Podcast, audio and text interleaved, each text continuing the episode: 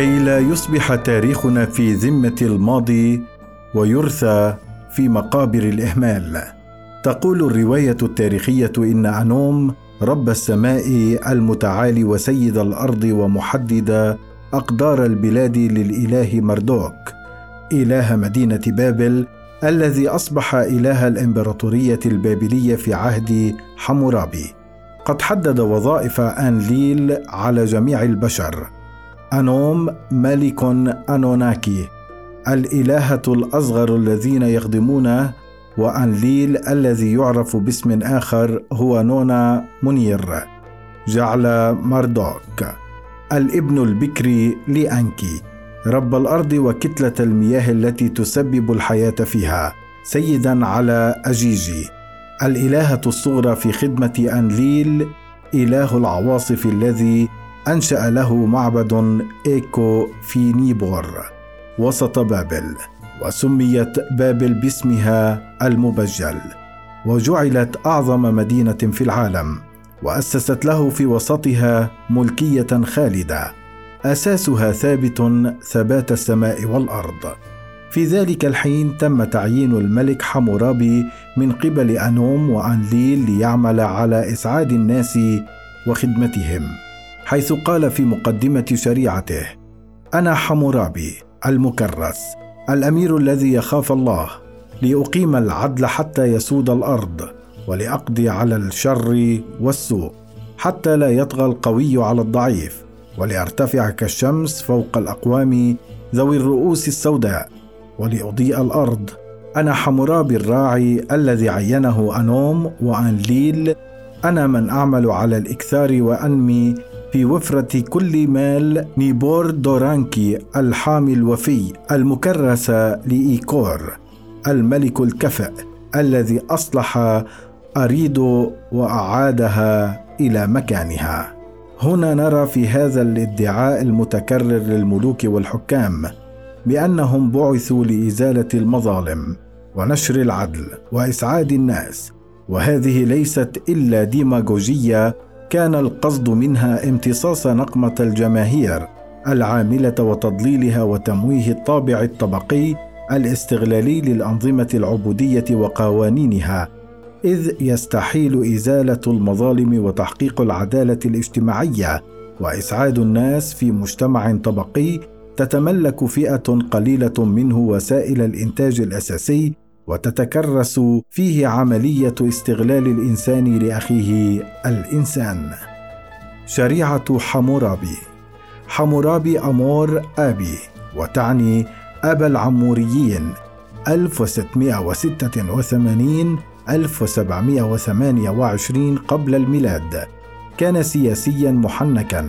استطاع أن يوحد بلاد ما بين النهرين وجزءا من أراضي ماري السورية في دولة مركزية عاصمتها مدينة بابل باب إيلو أي بوابة الإله ينتمي للأسر العشر التي حكمت بابل وهو سادس ملك للأسرة البابلية القديمة من السلسلة الأولى التي بلغ تعداد ملوكها أحد عشر ملكا حكموا على مدى ثلاثة قرون.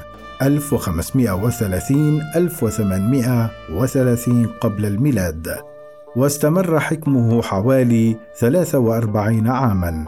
أصدر قانونه المعروف بشرعية حمورابي في العام الثاني من استلامه سدة الحكم والمدونة من 282 بندا والذي يدل على مبدأ القصاص. بعكس القانون السومري أي قانون الملك أورنمو مؤسس أسرة أور الثالثة التي حكمت عام 2050 قبل الميلاد وهو أقدم قانون مدون على ألواح طينية في التاريخ البشري تم اكتشافه بحسب العديد من المؤرخين وعلماء الآثار والتي تأخذ بمبدأ الدية والتعويض.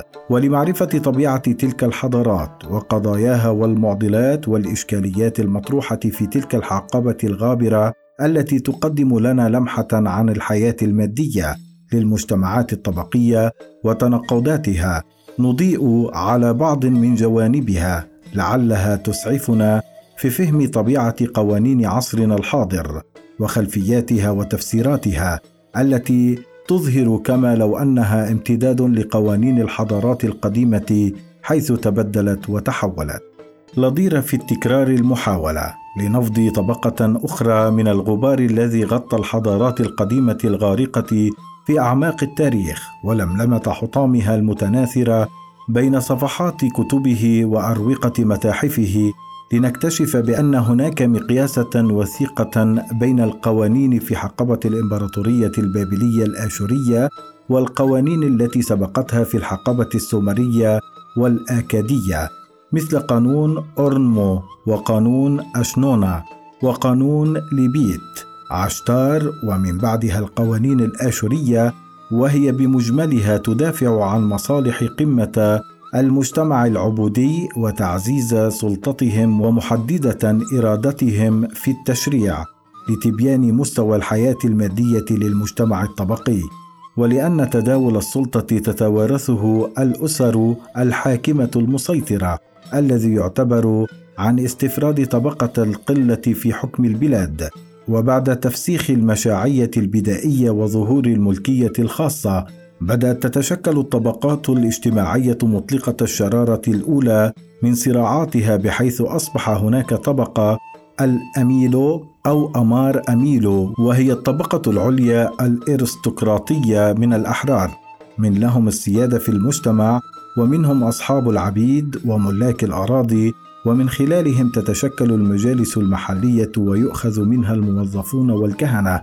وهناك طبقة المشكنوم أي الطبقة العامة من الأحرار والأرقاء الذين تحرروا من العبودية يمارسون مختلف المهن ولهم الحق في التملك وهم كالأميل أصحاب عبيد وملاك اراض ولكنهم غير مساوين لهم في الحقوق المدنية.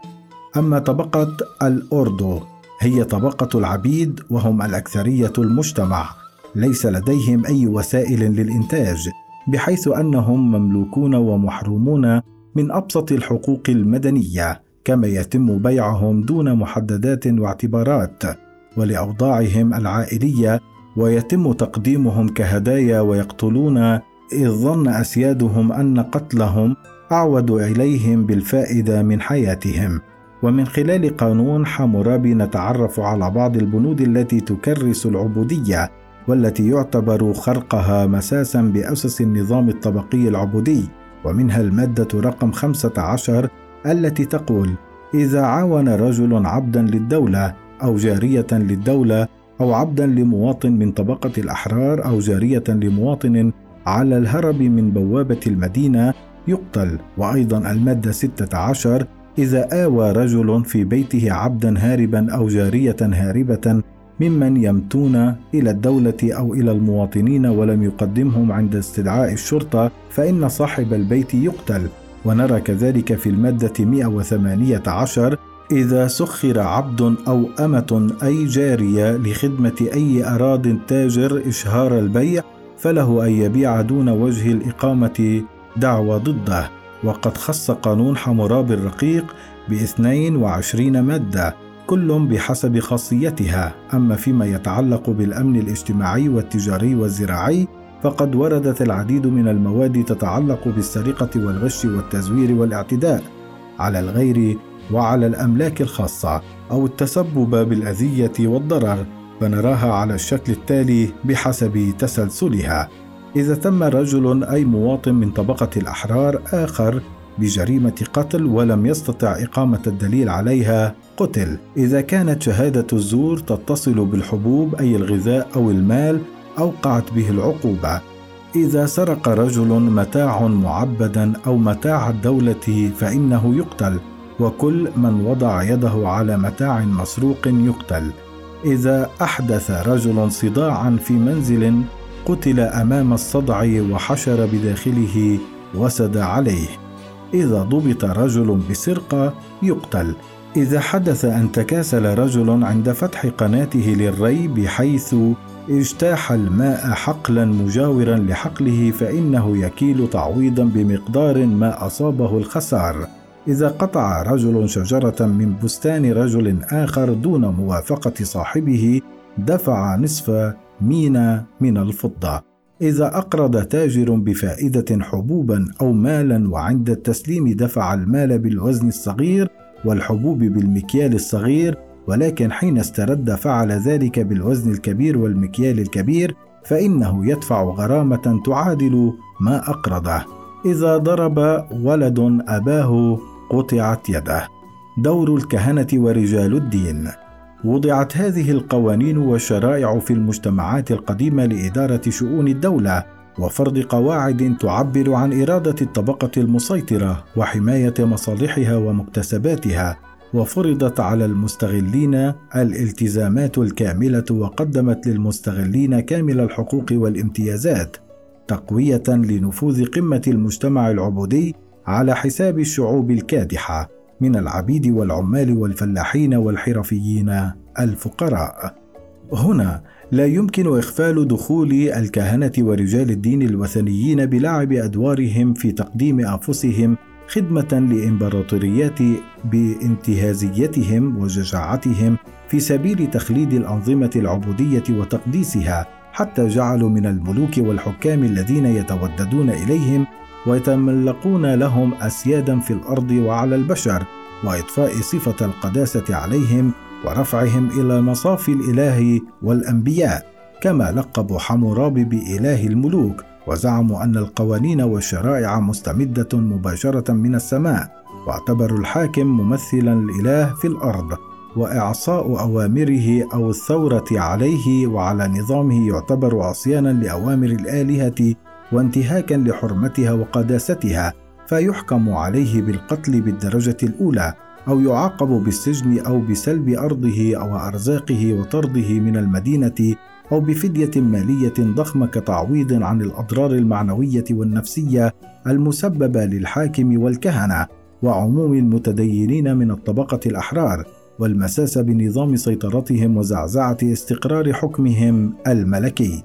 ولطالما جهد هؤلاء الكهنة لتقديس مقام الملوك والمنتمين للبلاط من طبقة الأسياد وتلميع صورتهم لدى الأقوام وإظهار طباعهم الرحيمة وأحكامهم العادلة للحفاظ على استمرارية وجودهم والعمل على تغييب وعي الناس خدمة للملوك ودعما لأنظمتهم وعندما يشعرون بالأخطار المحدقة بالبلاد واقتراب نهاية الحكم السائد يسارعون إلى فتح أبواب مدنهم للغزاة طمعا بازدهار تجارتهم وتعاظم ثرواتهم. في ظل الحكم الجديد كما فعلوا عندما غزا الجيش الفارسي بلاد الرافدين بقيادة الملك قرش وشرعوا له أبواب مدينة بابل وآشور على مصراعيها ليدخلها منتصرا.